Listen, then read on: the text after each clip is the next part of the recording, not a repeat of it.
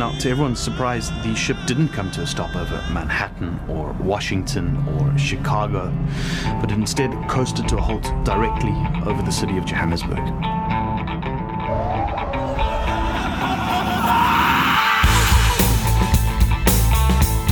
Du hører på Filmfrelst, podkasten til nettstedet montasj.no. Jeg heter Martin eh, Sivertsen, og med meg har jeg montasjeredaktør Eirik Smidesang Slåen og filmprodusent Erik Fogel fra Tordenfilm. Vi har sett en ny science fiction-film denne gangen her. Produsert av selveste Peter Jackson og regissert av Neil Blomkamp. Her er en liten smakebit på District 9. Nobody comes back late at night anymore. They have more security. The government noticed that they were moving into new areas. That's when things started to get out of hand.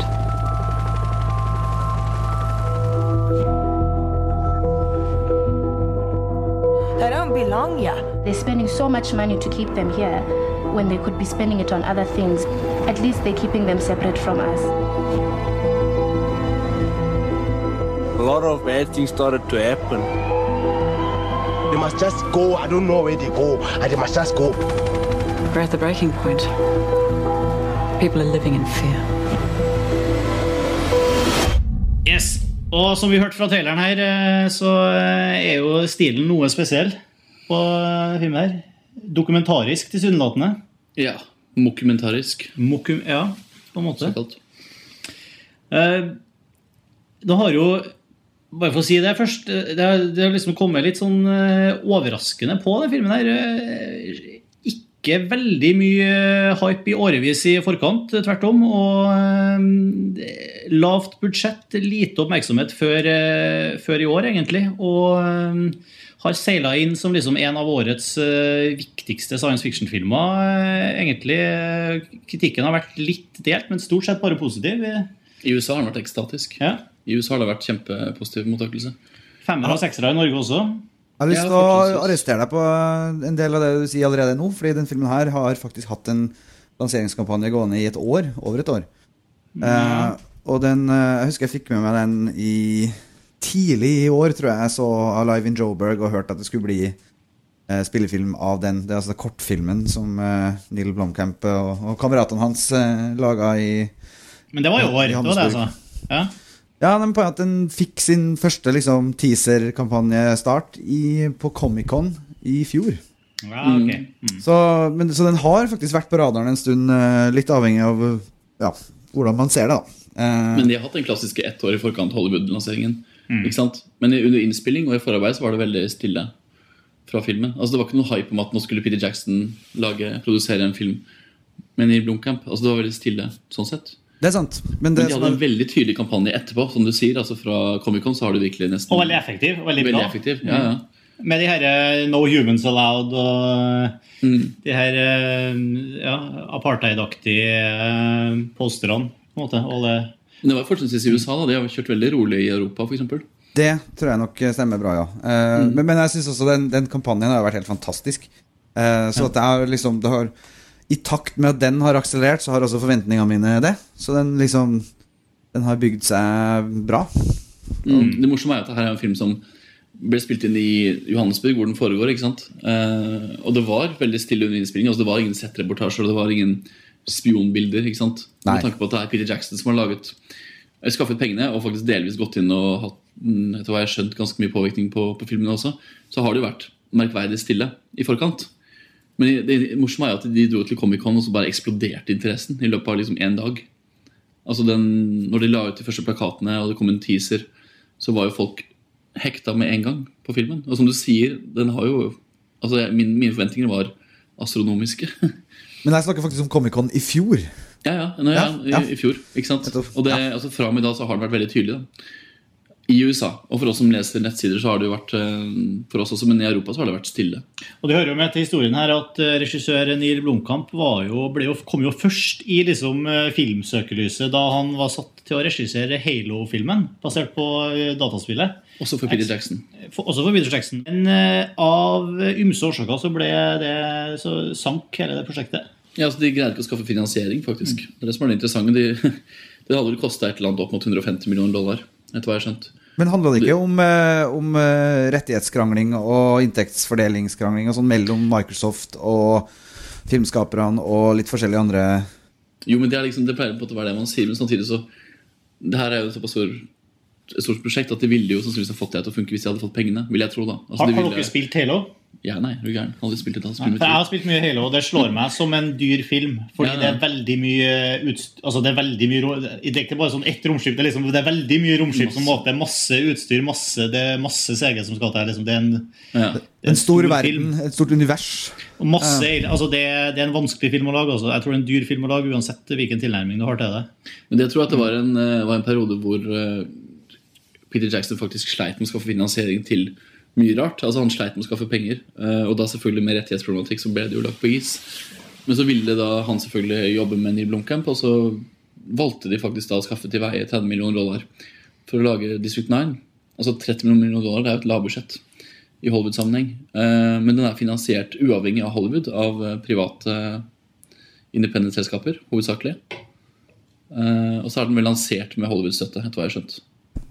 Ja, for, det er egentlig litt sånn høne og plukk med det der, eh, det der at det er en liten sånn independent eh, film som kommer fra utsida og koster en brøkdel av en Hollywood-film. Fordi den er jo For det første, som du påpeker, den er jo lansert og distribuert gjennom eh, Hollywood-kanaler. Altså, den har eh, i, Avhengig av hvilket land du er i, så er det Sony, og det er Columbia TriStar og, og de store amerikanske distributørene som har den eh, i de forskjellige territoriene. Eh, og det her er 30 millioner dollars budsjettet. Altså når du lager en Er det film uten markedsføring? det er uten markedsføring, det er produksjonsbudsjettet. Og jeg forventer jo at liksom markedsføringsbudsjettet Jeg har faktisk prøvd å finne ut hva det budsjettet har vært, men eh, jeg har ikke funnet det. Men jeg tipper at det er liksom like mye som filmen, eller mer. jeg har hørt at, han, at det er for å sitte mer, ja. Ja. Eh, så, sånn at liksom, så for meg er det egentlig liksom en del av hypen, det der med at den er så liksom At det er en sånn underdog-film. Fordi eh, også når du har 30 millioner dollar å bolte deg for i lavkostlandet Sør-Afrika med uh, ingen stjernehonorarer og, og en debuterende regissør, så tenker jeg Og altså Jeg, jeg satt gjennom rulleteksten, som er ganske lang, og liksom anslår 150-200 folk i etterarbeid, liksom. Altså, det er en enorm produksjon. Altså, alt er jo relativt, da. Når du ser Ja. på Moon, som hadde fem millioner, Mhm. og likevel så er det mer enn de aller fleste norske produksjoner. Ja, altså det er liksom Eh, ikke sant? Og 30 millioner er jo altså, Hva kosta den dyreste filmen noensinne i Norge? Max Manus kosta vel knapt over 100? Nei, 55 koster maks manus. 55? 55 i produksjonsbudsjett, så det er liksom litt over er tre maks manus. her. er. Ja. Så det er liksom ikke noe, det er ikke noe, det er ikke noe puslefilm. Nei, Men og det, men det, er viktig, det er viktig å si at det her er jo uansett en, en eh, underdog-film. Det er jo det. Altså, men det geniale er at det er jo sikkert sannsynligvis planlagt som en underdog-film. Altså Det er en kalkulert underdog. ikke sant? Altså Den er ikke Den er jo ikke engang lansert som en Hollywood-blockbuster, vil jeg påstå. Den er lansert som nesten som en liten sånn eh, dokumentar. Skutt håndholdt, veldig billig. Altså Hele estetikken i filmen er jo også veldig lavbudsjettorientert. da Umiddelbart. Den er jo Absolutt, ikke det, men altså, absolutt sånn uh, look-messig, eller sånn hvordan den selges, det er jeg helt enig i. at Den er, den er ikke liksom sånn glossy og shiny presentert, men det er en maskin som gjør Ja, markedsføringsjobben. Ja, virkelig. Og plutselig at man skal si at altså, Det som er det geniale med District 9 i forhold til å vekke oppmerksomhet i forkant av premieren, var at de bare de tjente så godt på å ha den der outsider-rollen i forhold til eh, presseomtale og sånne ting. altså Folk, altså, jeg, har, jeg har lest artikler som handler om at å, nå kommer det en film som tar idrettsvingen på Hollywood. Gå og se. Altså De greide å vinkle det såpass sterkt at folk gikk og så den for å støtte opp om en independent film. Liksom. Og Det er jo en liten genistrek, Fordi det er det jo faktisk ikke. Men da, det, men da er det også ironisk at det jeg finner kritikkverdig ved filmen For jeg er nemlig Jeg ble litt skuffa, må jeg innrømme, hvis du skal gå inn i reaksjoner her. Fordi at jeg hadde veldig høye forventninger, men så klarer han å rote seg bort på den samme måten som de dummeste av de mest bråkete Hollywood-filmene gjør, nemlig ved at den har et for dårlig manus. Jeg syns den eh, den blir full av hull eh, etter hvert, og jeg tror det er en film du enten bare Altså, jeg var helt med til kanskje midtveis, men så ble liksom logiske brister og plotthull og, og sånne ting for mye sånn akkumulert etter hvert til at jeg klarte liksom å være helt eh, med, da. Eh, så jeg er faktisk Jeg er ikke liksom en del av den det koret som sier at det her er liksom helt fantastisk. Det er det ikke. Det er et jævlig bra forsøk, men det er liksom hva? Jeg foreslår at vi prater litt om spesifiks på nettopp det litt senere i podkasten. Hvor vi kan gå inn på litt spoilers og si nøyaktig hva det er som plager oss. og sånn. Ja. Så kan vi holde, eh, så kan vi holde det generelt sånn eh, til å begynne med. Men det er i hvert fall min reaksjon, kort oppsummert. Uh, kan vi gå inn på spoilers etter hvert. Hva syntes dere? Uh, altså, jeg likte den veldig godt, må jeg si. Uh, jeg innser jeg, altså jeg gikk ut Jeg hadde litt gåsehud uh, nesten gjennom hele filmen. Og jeg var ikke blind for de svakhetene som du påpeker. Samtidig så var jeg såpass gira og interessert og entusiastisk at jeg, liksom, jeg ga litt blaffen i det. Det har kanskje noe med at jeg har vært veldig skuffa over de science fiction-filmene som jeg hadde gledet meg veldig til i år så langt. Eh, først og fremst Terminator eh, 4, eh, Salvation, som, eh, som liksom eh, Jeg følte at District ga meg så mye som, som Terminator eh, ikke ga meg. da. Jeg, følte at den var full av gode ideer, og eh, full av, av sjel og, og full av liksom av, av driv, dramatisk driv, som, som jeg liksom savna. Og for all del, som jeg ikke så i det hele tatt i Transformers eh, 2. Altså, det er også kanskje vært nevnt Star her, som, var, som jeg syns var ålreit. Men uh, det er mulig at det var en litt sånn eh, tomhetsfølelse etter god science fiction. At jeg liksom trakk eh, virkelig omfavna District 9 ekstra mye. Men, eh, men, eh, men for all del, ja, jeg ser at den har problemer, liksom. Men eh, jeg lot ikke det stoppe meg fra å like den. da. Og jeg ser at den har masse kvaliteter. Altså den her scenografien og kameraarbeidet, klipp, lyd. Alt drar i samme retning, og det er veldig en enorm fortellerglede. Eh, Så det syns absolutt den er severdig. Og jeg hadde også den samme gåsehuden, men mista den kanskje litt grann før deg. Så, men, men jeg også, hadde, jeg også hadde, har vært skuffa over over eh, science fiction-året 2009 eh, i stor grad så langt. Og så kom, eh, skulle det her komme og bare sette skapet på plass. Og så er det veldig nært, men til syvende og sist så syns jeg den tryner på en del ting. altså. Enn du, Erik? Nei, altså Jeg satt egentlig de første ti minuttene og hadde en veldig rar følelse. For jeg følte at jeg satt og så en film som Hadde jeg vært 16-17 år, så hadde jeg hatt samme opplevelse som jeg hadde med Matrix og Fight Club og alle de filmene som på en måte var banebrytende når, når jeg var sånn ja, rundt den alderen. Så tenkte jeg at kanskje er det en film som jeg skal tenke at da skal ikke jeg sitte og prøve å analysere den eller kritisere den eller bryte den ned, sånn som jeg alltid gjør med alle filmer jeg ser. På basis av utdanning eller på basis av generell nerdighet. ikke sant? Og så tenkte jeg at nå skal jeg sette meg inn i filmen. Skal jeg egentlig bare sitte bare og godta filmen på dens premisser. Og det pleier ikke jeg å gjøre med filmen. Jeg gjorde det nå. Og jeg gikk for så vidt ut av salen med litt samme følelsen som jeg hadde når jeg gikk ut av Matrix og, og alle filmene her når jeg var yngre. At jeg hadde liksom sett en film som var så kreativ og for meg føltes så ny. da At jeg egentlig tenkte at shit, her skal jeg bare elske etterpå. da Og jeg kan også selvfølgelig sitte og være vet ikke jeg, ettertenksom og tenke på, palmer og ting som ikke funka. Men den føltes så unik da og den føltes så fortellermessig interessant at jeg bare valgte å plassere meg selv som en 16-åring i salen og bare elske den. Og det Jeg syns den føltes så fresh da, og så kreativ og så overskuddsforetak. Og det, det ser man så sjelden på kino om dagen. Det er sant. Og, og det er veldig sant. Og, og det er ingenting jeg ønsker meg mer heller enn å være den 16-åringen eh, Mm. sjøl. Eh, eh, og jeg også ville veldig gjerne være det. Eh, og var det en god stund, men ikke hele veien, som sagt. da. Men jeg må jo si at oppi, oppi den følelsen sånn som uh, Det er jo ganske interessant å sitte på en måte og prøve å kommunisere med 16-åringen. ikke sant? Fordi sånn som det jeg reagerer på nå med filmen, hvis jeg da skal være 30 år, ikke sant? Ville jeg ikke reagert på som 16-åring. Jeg ville på en måte bare godtatt logiske brister. og Jeg ville godtatt jeg vet ikke platthet, da, for eksempel. Eller pompøsitet. Fordi det var en del av spillet. altså Jeg hadde ikke den type apparatet til å kommunisere om film på den måten. Eh, men det er, det er morsomt å kunne prøve å føre dialogen med den personen i meg selv. Fordi jeg elska filmen for alt det som jeg elska film på når jeg var 16 år gammel. Altså Jeg elska liksom det der, at jeg aldri visste hva som skulle skje. Jeg elska bruken av effekter. Jeg elska den der totalt Altså den liksom litt følelsen av noen som lager noe nytt. da eh, Samtidig som jeg som 30-åring følte at han, han bomma på slutten, og førsteakten var unødvendig komisk.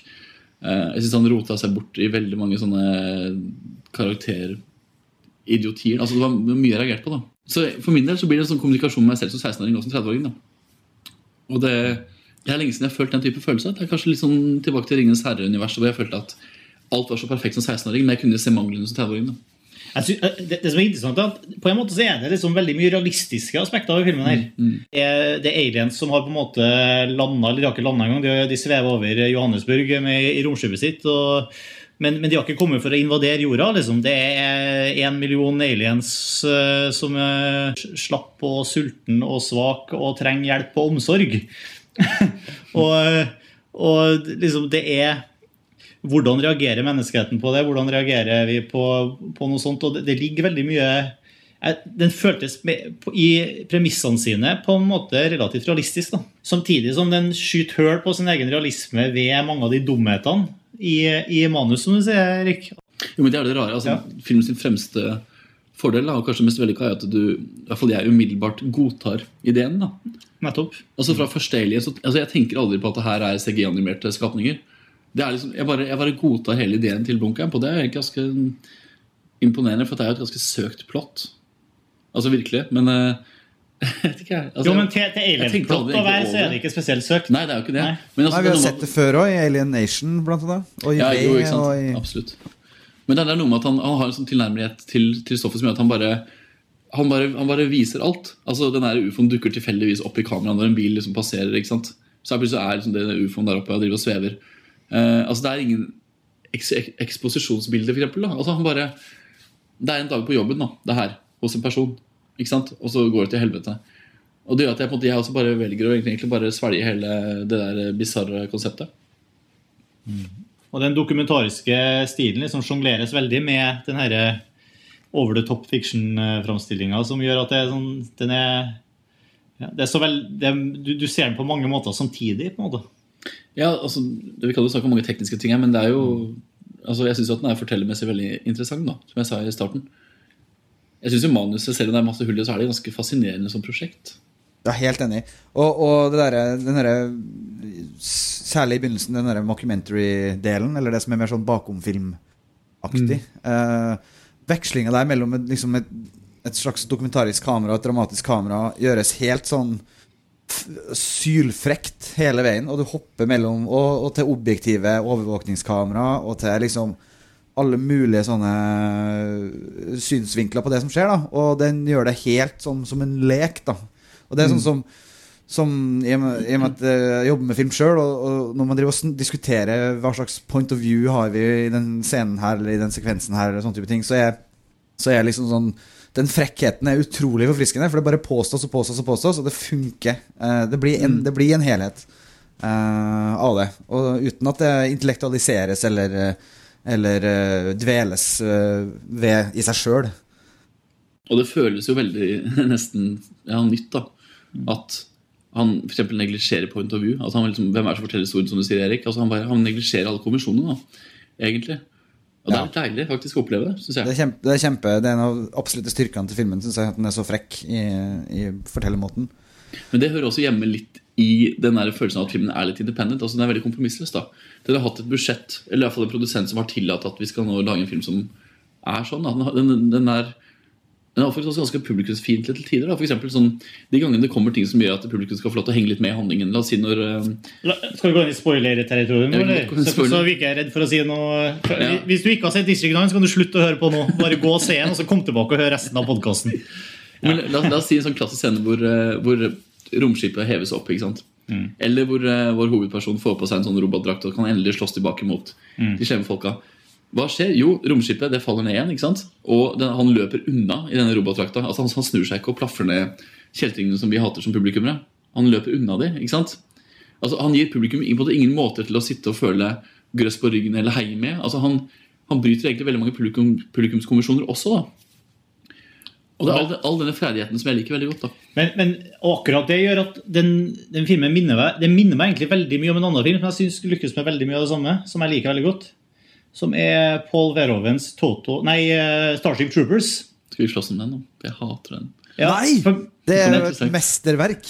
Jeg syns, Starship Troopers gjør veldig mye av det samme. Altså, den er Ja, hypervoldelig. Den blander litt den her dokumentariske fiksjonsstilen, og den har, den tar den har et eh, satirisk, men samtidig relativt sånn eh, ja, potensielt gjennomsyrende eh, samfunnskommentarisk sånn vinkel. og den, Jeg føler at den, prøv, den gjør mye av det samme som District 9 gjør, da, og er interessant på mange av de samme måtene.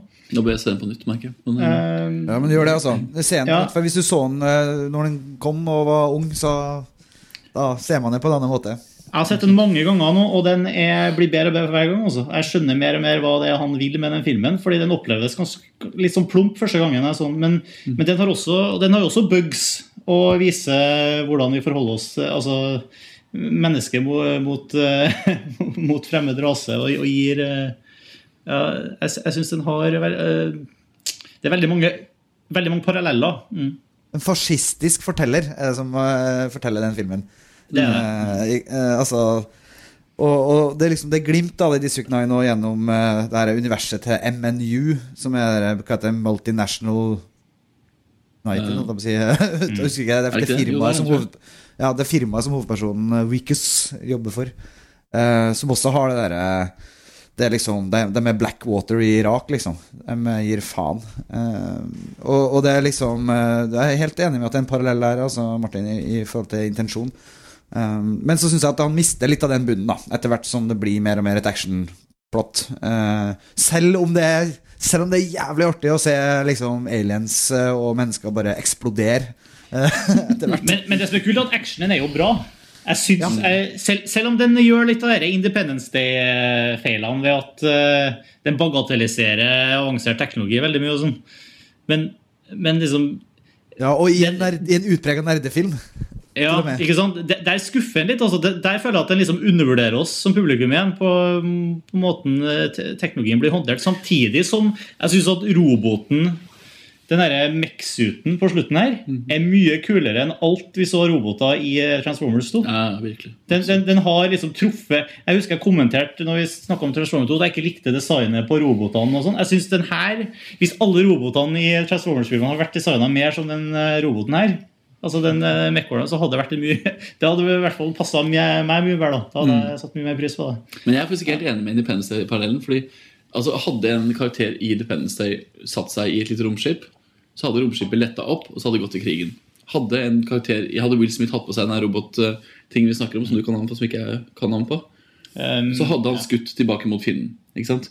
Men i denne filmen her så er det det skjer alltid det motsatte. Altså Du får aldri den publikumstilfredsstillelsen av å se det her. da Altså Han, han, han, han, han, han begynner å liksom skyte løs og så videre, men det er Jo, men, ingen men lette du rett, utveier. han tar, en, han tar en sånn, det er en sånn liten sløyfe der først, hvor han stikker av fra kameraten sin og bare gir faen i alt. Før Mm. han til slutt kommer tilbake og, og tar igjen, og da er det liksom uh, men da, kick-ass. me- da mestrer han liksom den drakten. Og, Jo, men jeg, jeg, ja. jeg, Det er ganske vågalt da, av en regissør slash produsent å faktisk bare la denne personen i, i denne ultimate liksom, fighting machine-tingen løpe unna for publikum. Altså Han, han bygger veldig opp da, veldig, veldig opp til den scenen hvor han skal endelig slåss tilbake. Altså Han etablerer skikkelig kjeltringer. Liksom. Du hater han der eh, skinna fyren på det tidspunktet i filmen, men så løper han unna. Altså, Det hadde ikke skjedd i Independence Day, det hadde ikke skjedd i en klassisk Hollywood-blockbuster, tror jeg. da. Og den type freidighet gjør at filmen for meg fremstår som veldig frisk. Altså Jeg som publikummer vet egentlig aldri hva som kommer til å skje. da. Men, men det, det jeg tenker på som Independence Day-parallellen, sånn sett, var mer det at i Independence Day er det en sånn latterlig scene hvor det er noe Jeg husker ikke nøyaktig hva det er, men det er sånn, det som gjør at de får overtaket på aliensene, at de, har noe, de laster opp et virus til romskipet deres. En sånn upload virus, altså et sånt stort bilde av dødningsskalle på skjermen, og så trykker de på den store upload virus-knappen, og så liksom får alien-romskipet Det er liksom den måten å behandle Det er litt sånn det man føler litt at de gjør når han uh, Vikus setter seg i, eh, i den der MechWarriors-uten og liksom plutselig har full kontroll, da, selv om det er en scene der som sier at han fømler litt med Jo, teknologien. men liksom, han, jo, han har jo ikke full kontroll, det er poenget. For ja, første han han har mye Jo, kontroll Han, i han løper unna, ja. og han bruker jo brorparten av scenen på å stable seg rundt og bli skutt på. ja. Han flyr jo romskip òg. Han flyr romskip òg, liksom. og Og, er krasjer det. Og, og, Ja. jo, jo, han blir jo alle, skutt. alle, alle, alle mulige sånne ting, selvfølgelig. Altså, han blir, altså, men samtidig så det er det er en del mer publikumsferdighet i det her da, enn det pleier å være i en klassisk science fiction-film. Det er det helt klart. det har- Men, men Ja, noe av det ble veldig- irriterende for meg, da. den, den andre det her. Independence Day-parallellen er selvfølgelig det enorme romskipet som svever over byen. Men det er jo, ja, ikke sant? Ja, som, som bare liksom, gjør at man tenker på den filmen i utgangspunktet. Ja, det- Men det som jeg liksom, liksom at- at jeg på en måte valgte å tenke at denne filmen her skal jeg liksom bare sitte og elske, var det at jeg møtte en film som faktisk tok meg som publikum litt, litt på alvor. da Fordi den faktisk valgte å egentlig liksom ikke la meg sitte der og slappe av. Eh, altså den, den, den følte ikke konvensjonen i det hele tatt. Da følte jeg Og så får for en uh, spenn i, eh, i uh, Altså, bare hovedpersonen, liksom. utrolig mye varia hvor ark er det man kaller det. Eller altså, Det er så mye som skjer med han Vikus Vandermerv, eller Charlton Copley, som uh, hovedrolleinnehaveren heter. Han er vel en fra New Zealand? Eller? Er Nei, han er fra fra Sør-Afrika, Mm. Ja. Han var jo Ja. også med i en liten rolle i den kortfilmen som eh, Ja, ikke sant? det her er utleda fra. det er jo det er så, det er som, Du tror ikke at det skal være hovedpersonen i filmen når du ser den i første scenen. Det er liksom, da, da ser den ut som en sånn comic sidekick relief. Ikke- Og Det er utrolig hvil- hvilket spenn det er i han i løpet av filmen. Det er også veldig frekt, egentlig. Men også som skuespiller. Fordi altså, Jeg tenkte jo i hvert fall fram, altså, Hele første akten før man han blir spruta ned av aliens-tingene, så, så tenkte jo jeg at «Oi, han, han, han der kommer jo ikke til å takle Han, han, han, han, han, han har ikke sjanse til å takle de scenene som skal Oi. Sorry. Jeg rev ut mikrofonen. Altså, jeg, jeg, jeg tenkte at han hadde ikke sjanse til å takle de scenene hvor hvor han skulle måtte spille mer dramatiske scener. Da, hvor han skulle spille påvirka og virusinfisert osv. Men så plutselig dukka det opp en skuespiller da, som jeg syns ikke var der i starten. Han bare Han var faktisk veldig troverdig, synes jeg, som virusinfisert. eh, han er jo nesten litt overs, han er jo overspilt i starten. Ja, ja, det er Eh, og, og, og det er jo gøy. For all del, det, det, det var bare kult, det. Men, eh, men han er jo min når, når en hovedperson er litt dum. Altså, det, Ja. å det å tørre å lage en leading man som er litt sånn Ikke den skarpeste kniven i skuffen. Men han, han, han blir jo en helt, og det er det som er så kult. For han er jo liksom han, det, det gjør det lettere å identifisere deg med, for, med ham for hvem som helst. Da, når du ser at han, er, han begynner som en drittsekk og en, eh, med full av fordommer og det som hvem som helst kan kjenne seg litt igjen i, kanskje på, i større eller mindre grad. Og så, og så, altså, han er liksom ikke eh, Jack Ryan fra starten av, eller eh, Nei, nei. Han er jo the, the unlikely hero. Ja, the er jo en likely hero. Accidental hero. Ja. Men la oss snakke om, om, om det tekniske. da Altså selve altså fotoarbeid, f.eks. Erik. Jo, jeg syns jo det er strålende. Det er jo gjort på det her Red-kameraet, som har blitt eh, veldig populært. Og så vidt jeg forsto, så var det Peter Jackson sine egne Red-kamera som han har liksom eh, lagt inn i potten her. Han sa, betyr det? han sa at han, han, han eier ti, men de trengte bare ni. Ja, betyr det at Ja, han har gjort ja, noe med dem? Hæ? Har han gjort noe med dem? Han Nei, altså at han har lånt dem, produksjonen, eller? Eller, eh, eller altså produksjonen har benytta seg av hans eh, utstyrspark, Red kamerapark. Og i tillegg har de hatt et eget team som har filma på eh, Altså med tradisjonell HD-video for å lage en del av denne mockumentary-greien. Men så har de i tillegg, og det her har ikke jeg helt fått helt klart for meg, så har de hatt egne team som har filma på eh, mer tradisjonell, billige HD-kamera. Uh, noe Canon-greier, tror jeg. Og så er det jeg tror også de hadde en tredje unit som har gjort eh, Altså De har liksom hatt masse forskjellige team. Så, altså, også et eget, eh, eget team som har gjort det her eh, bakom filmen, liksom. Mm, de hadde Eh. Sony X3 og XN-kameraer. Ja, sånn, ja, det var det, ja. Og, og da er i hvert fall summen av det er i hvert fall en ganske sånn interessant ting. For her handler det om å gå ut i felten, og det handler også om å improvisere med skuespillerne. Det tror jeg de har gjort ganske mye. Og så fanger du det fra alle mulige vinkler med alle mulige kamera, og så ser du hva du kan gjøre med det i etterarbeid. Og sånn tror jeg også uh, i forhold til at alle aliensen her, i hvert fall veldig mange av dem, uh, sikkert noen uh, som er fysisk i close-up og sånn, men veldig mye av det er digitalt. Og det tror jeg er noe som er muliggjort av at uh, etterarbeidsverktøyene har blitt billigere, så du kan liksom tracke ting selv med at det, hvis det er filma med håndholdt kamera og veiver rundt som en tulling, liksom, så kan du likevel få til troverdige spesialeffekt-aliens i ettertid. Det stemmer litt med det som jeg oppfølte da jeg så filmen. Altså, jeg følte at noen ganger at det var Det virka som de hadde veldig mye forskjellige shots å velge mellom når de klippa, og det virka noen ganger som de skjøt inn et sånt overvåkingskamera-shot eh, litt uten at det var nødvendig innimellom. synes jeg. ja. Men jeg, jeg har hørt at de faktisk altså de hadde veldig mange kameraer på sett hele tida. Altså de skjøt scener Ja. hytt og pinne. Og så har da Beta effektselskapet gått inn og faktisk retusjert bort kamera i bildene. og sånne ting, ikke sant? Altså fjernet, Hvor de på en måte har kryssa hverandre. Eh, men det skaper jo en utrolig effekt, da, må jeg, vil jeg si. Altså, Ja. Det er utrolig spennende. Altså, så, så, det er gøy å se på nytt bare for å se på hvordan de helt hadde klippa sammen. uh... Og det er veldig gøy miljø for en science fiction-film. da. Fordi, uh, og også når man tenker tanke på at så vidt jeg har skjønt, så er det tatt opp veldig mye on location Uh, i Johannesburg. Nei, det er jo tatt opp i so- so- Soveto-bydelen. Ja, ikke sant? Hvor, hvor det aller meste av, av sånne sjekks og slumbygninger som faktisk ikke er bygd eller konstruert for filmen i hele tatt, men bare var der fra før. Og det er veldig mye eh, Hva var det Jeg innbiller meg at Jeg, Jeg syns jeg husker jeg leste at eh, det var bare én av Det er jo en del interiørscener også der. Hvor bare én av de eh, sjeksene faktisk var bygd opp i, i, for filmen. Men det er jo, men altså, det er jo spilt inn i et område i Johannesburg Mm. som heter Soweto, som, hvor det er faktisk den type apartheid i dag. da Altså Den er ganske realistisk sånn sett. Eh, men det er som at De har ikke bygd opp nesten noen ting. Og faktisk jeg har hørt at det egentlig bare er CGI-animerte aliens. Ja, Erik. Ja, det ble, er. det og det ble jeg veldig overraska over. For når jeg så på, så var jeg ganske sikker på at eh, i en del scener så hadde de brukt eh, folk i gummikostymer. Eh, men, Men de hadde eh, det, men de endte opp med å bare bruke CGI-animerte. Ok. har jeg hørt. De bytta ut Altså de, de, de skjøt mange scener med, med dokker, men de valgte å ta de bort og erstatte med animerte. Må ha noe å spille imot, uansett. men, men det er faktisk eh, et kanadisk firma som har gjort aliensen. Så Veta, som er Peter Jackson De sitt, har designet eh, ja. de tror jeg har designa det og, og helt sikkert eh, gjort det, det, siste finishen og gjort helt sikkert masse andre effekter, men akkurat aliensen er, er faktisk et annet firma som har gjort. Jeg husker ett ett shot, jeg vet ikke om dere husker, men ganske tidlig i filmen så kommer alle de her uh, troppene fra hva heter det, MNU, eller hva det MNU. eh, i hvite trøkker i, i den uh, flyktningleiren. Og da ser du et bilde fra lufta, helikoptershot eh, fra hele, og da da ser du, he, altså veldig, da ser du liksom oversiktsbildet fra lufta nedenfra og ned med, med hele leiren og sånn. Og da, da, var det liksom Da var det ingen aliens der Nei. som sprang rundt blant bygningene. Men så snart kameraet var nede på bakken blant uh, truckene, og sånn, så var det flust av, av eh, prawns overalt.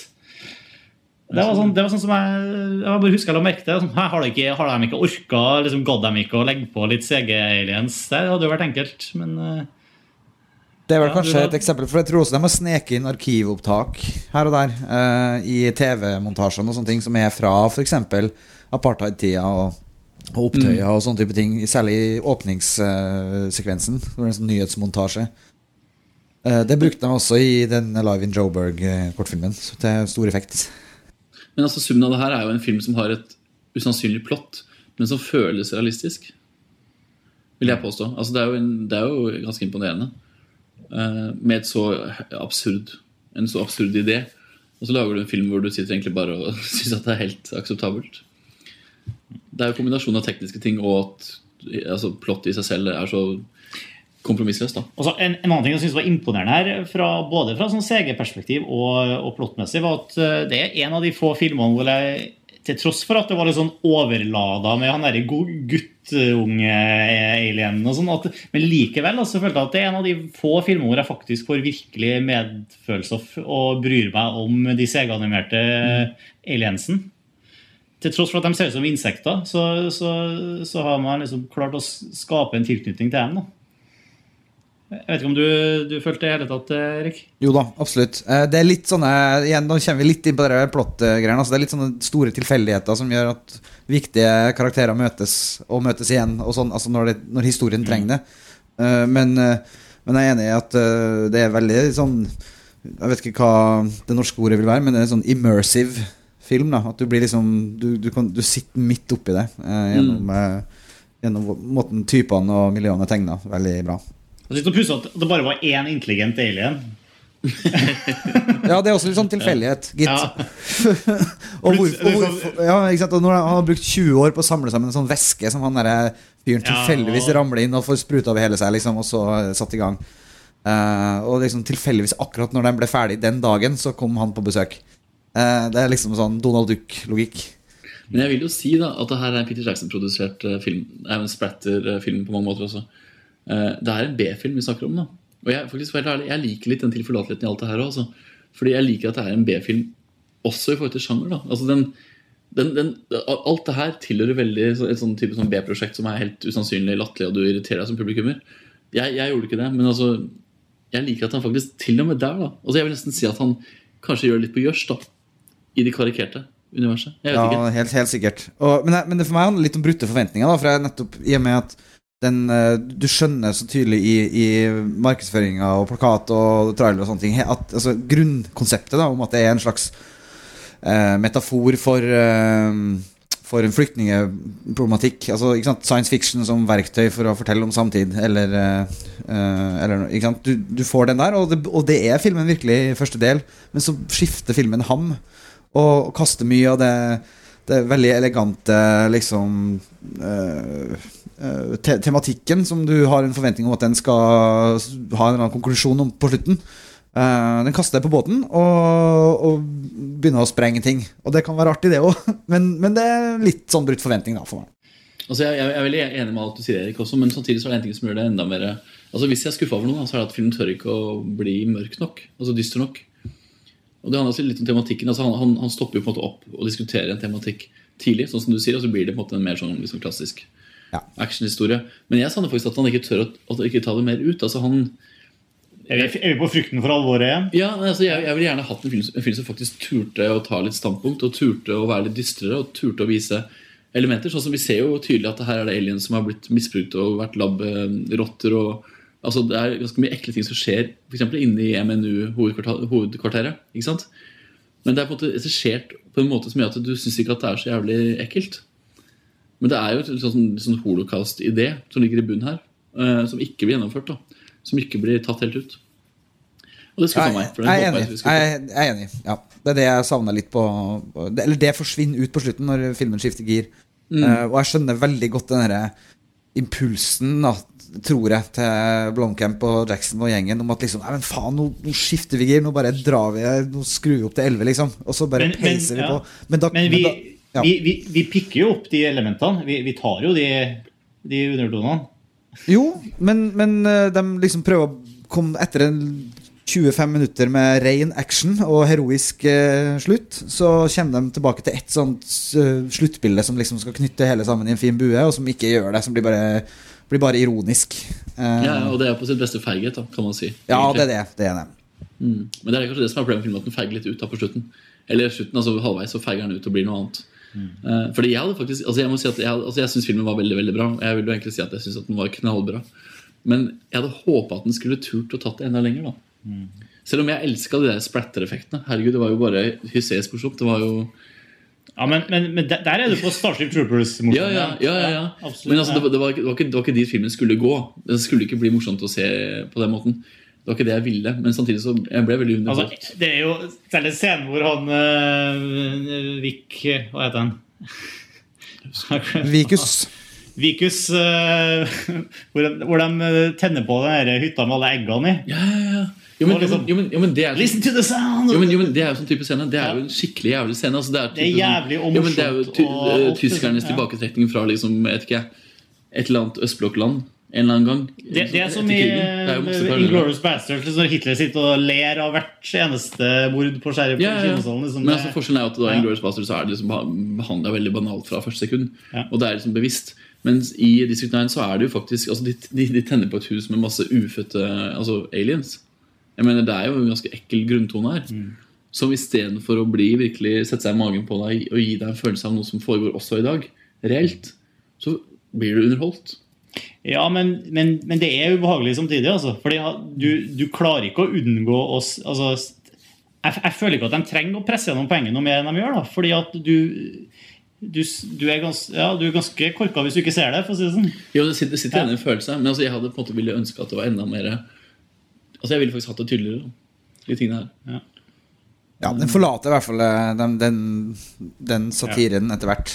Det, det, det er mer et bakteppe enn et eh, tema, kanskje. Men for å gå den andre, andre veien, da, for å snakke om noe som man faktisk som, hvor man gjør akkurat det motsatte, er jo når vi endelig går opp til romskipet i helikopter, og vi skal på en måte se romskipet, ikke sant? de nærbildene av, av konstruksjonen, da kunne han jo fort falt for å gjøre veldig mange kreative ting. altså veldig mye sånne actionfilm-orienterte ting.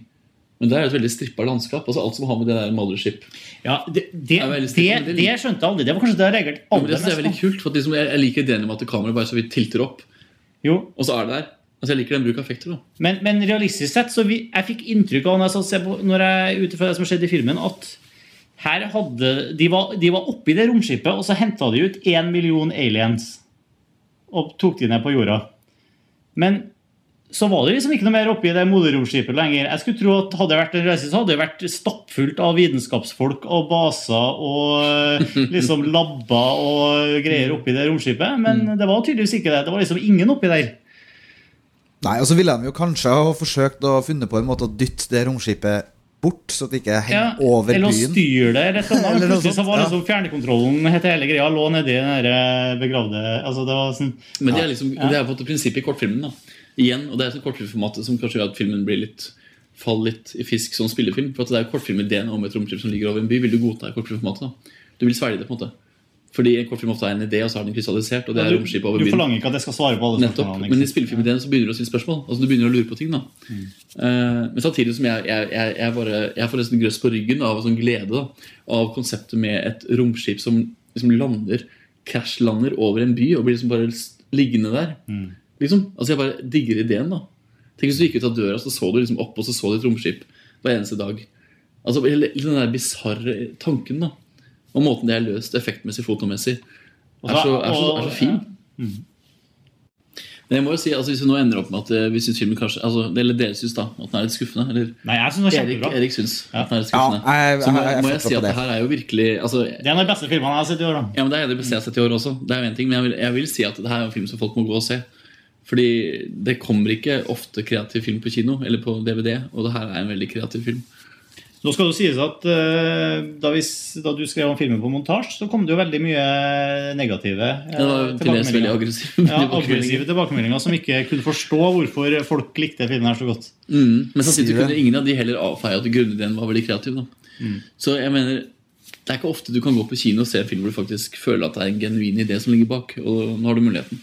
Og, jeg, og selv om jeg har en til synes en skuffelse, så er det en film jeg anbefaler absolutt alle å gå og se, nettopp pga. på grunn av dens kvaliteter. Og, og ikke minst fordi det lover utrolig bra for, eh, for Neil Blomkamp og, og framtida. Eh, altså, Og her er hans District 10. debutfilm, liksom. District 10, ja. ja. ja. men den, eh, den kan jo lages. Og Eh, TV-serien. Ja, ikke sant. TV-serien, ikke minst. Det Nei, men, men, men, men tenk for et talent da vi har fått i han eh, Neil Blomkamp her. Altså, med alle filmens ting vi kan pirke på og sånn, men det er liksom Og så vidt jeg skjønner, så, vidt jeg skjønner, så er det lite sjanse for at det skjer, men jeg hadde jo blitt veldig happy for å se en Halo-film òg. Du er ikke alene om det, tror jeg. Men jeg må si at hvis man skal altså, Nå burde egentlig folk gå inn på YouTube og se kortfilmene og reklamefilmene til Neil Blomkamp. da I hvert fall reklamefilmene hans. Ja, Vi skal legge ut link, vi legger ut link. ligger, eh, ja, altså jeg har en del faktisk under på anbefaler lista på montasje. Er det faktisk anbefalt en del fra meg og fra flere. Men uh, Vi kan legge ut noen linker også på saken. Men det er um, han har laget bl.a. noen Citroën-reklamer. Ja, Som hvor, er som fine. er Transformers-Citroënger. Ja. Men han har gjort mye kreativt. Ja. Han har gjort en Nike-reklame hvor Nike ga ti regissører muligheten til å lage en film basert på en farge. Og han fikk gul, fargen gul. Og lagde en veldig kreativ og ikke rent lite visuell eh, kortfilm. Som også ligger på YouTube. Som vi kan linke til. Så han er, altså, det her er en person som folk egentlig burde begynne å sette seg litt inn i. Fordi som Erik sier, altså, det her er et talent som vi kommer til å få se utrolig mye av. Og han er da 29 år gammel. bare så det er sagt. Så kanskje han tar over eh, franchisen når Michael Bay pensjonerer seg og får lage Transformers 7 eller 8. Og da blir, tror jeg kanskje vi kan begynne å Da blir det bra. Da blir det bra. Ja. Hva skal vi se til neste gang? Hva vi skal se? Nei, Vi skal ikke se noen ting. Vi skal ha Gunnar Vikene på besøk. Gunnar Vikne Vi skal prate om eh, Vegas-filmen, Ja. som har premiere 25. september. Og eh, dere som hører på, må, Hvis dere ikke har sett den allerede, så spring og se District 9. Og hvis dere hører på det her, så betyr det at dere har hørt alle spoilerne våre. Så da har vi ødelagt filmen for dere for lenge siden. Typisk filmfrelst. Men, men har, vi, har vi noe konkurranse en gang? da? Dæven, det var et godt spørsmål. Eh, det har vi selvfølgelig. Vi må jo eh, det, det, det har jeg ikke tenkt på, vet du. Hva var, eh, det var bra du sa, Erik. Veldig bra. Skal vi La meg finne fram eh, innsenderlista mi her. Det er jo favoritt, eh, favorittdelen min av Filmfrelst. Kjempebra. Det betyr, har du klart å gjette eh, hva forrige klipp var for noe, Erik? Jeg husker den ikke. Kan du spille den? Skal jeg spille igjen? Ja. Den går sånn her. Who is this man? He's Mr. Stutterstuff. I see. What is your job, Mr. Stuckerstuff? He's the beekeeper. I'm not asking you. I'm asking Mr. Stuffsucker. What's that? What is he saying to you? What? What? What was that? He says he's got a bit of a cold and he's lost his voice. Lost his voice. A beekeeper who has lost his voice. A cook who thinks he's a gardener. and a witness to a murder. Oh, yes, it is obvious to my trained eye that there is much more going on here than meets the ear.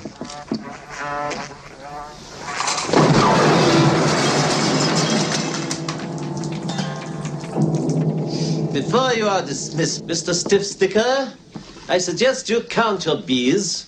You may find that one of them is missing. Det er Pink Panther, Strikes Back, Peter Sellers. Ja, jeg husker jeg kjente den igjen som Pink Panther, men eh, ikke Ja. hvilken. Pink Panther Strikes Again heter filmen. Ja, ja. Du, Har vi noen vinner? eh, Enn du, Erik? eh, Du tok en? Ikke? Ikke. Nei, eh, veldig mange tok en, da. Eh, Vi har plukka ut én av eh, faktisk, Jeg er veldig stolt av dere som hører på. Dere tar jo filmene våre nå. Men det er bare menn, så nå må de damene som hører på Filmfest komme i gang. Altså Det er kun menn som starter på konkurransen vår. Det er ikke bra. Betyr det at damer ikke vet noe om film? Eller betyr det at vi må stille noen andre spørsmål? Ja, ja. Nei, men i hvert fall et, Kult om et par damer eh, sender inn svar.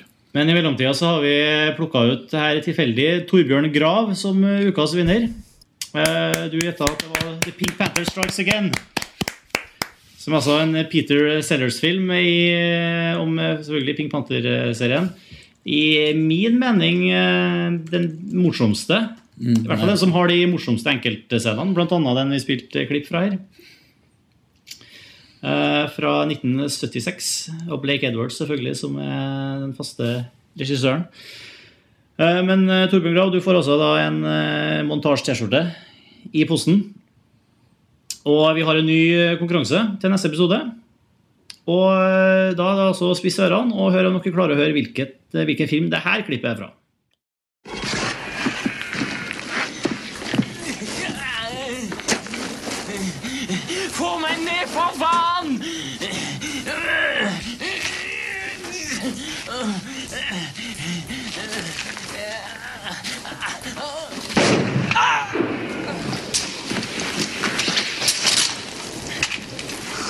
Å, herregud. Ta maskinpistolen hans! Jeg vil ikke! Ta den, for faen! Nei!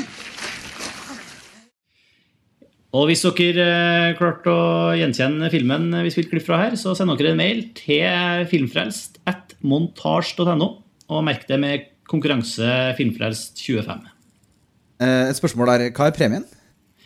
Premien er fortsatt eh, Ja, du, går, vi har hatt montasje-T-skjorter eh, lenge nå, men eh, vi kan ha en ekstra premie den gangen her, da. Fordi jeg endte opp faktisk med en ekstra Quentin Tarantino DVD-pakke her.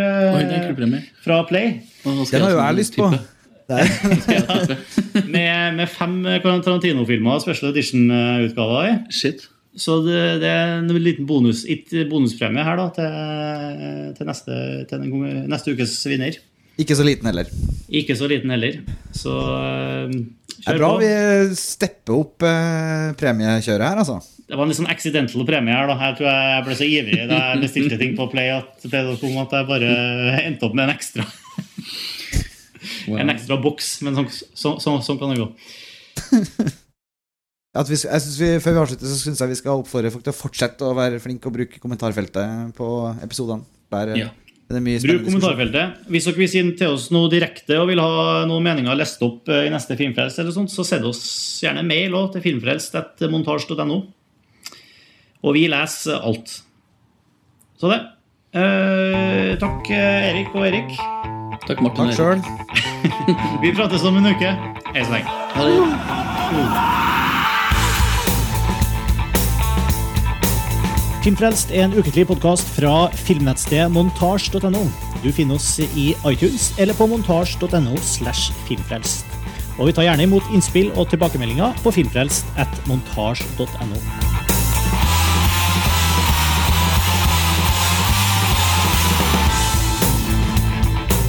Og musikken du hører nå, er fra det norske bandet Ping.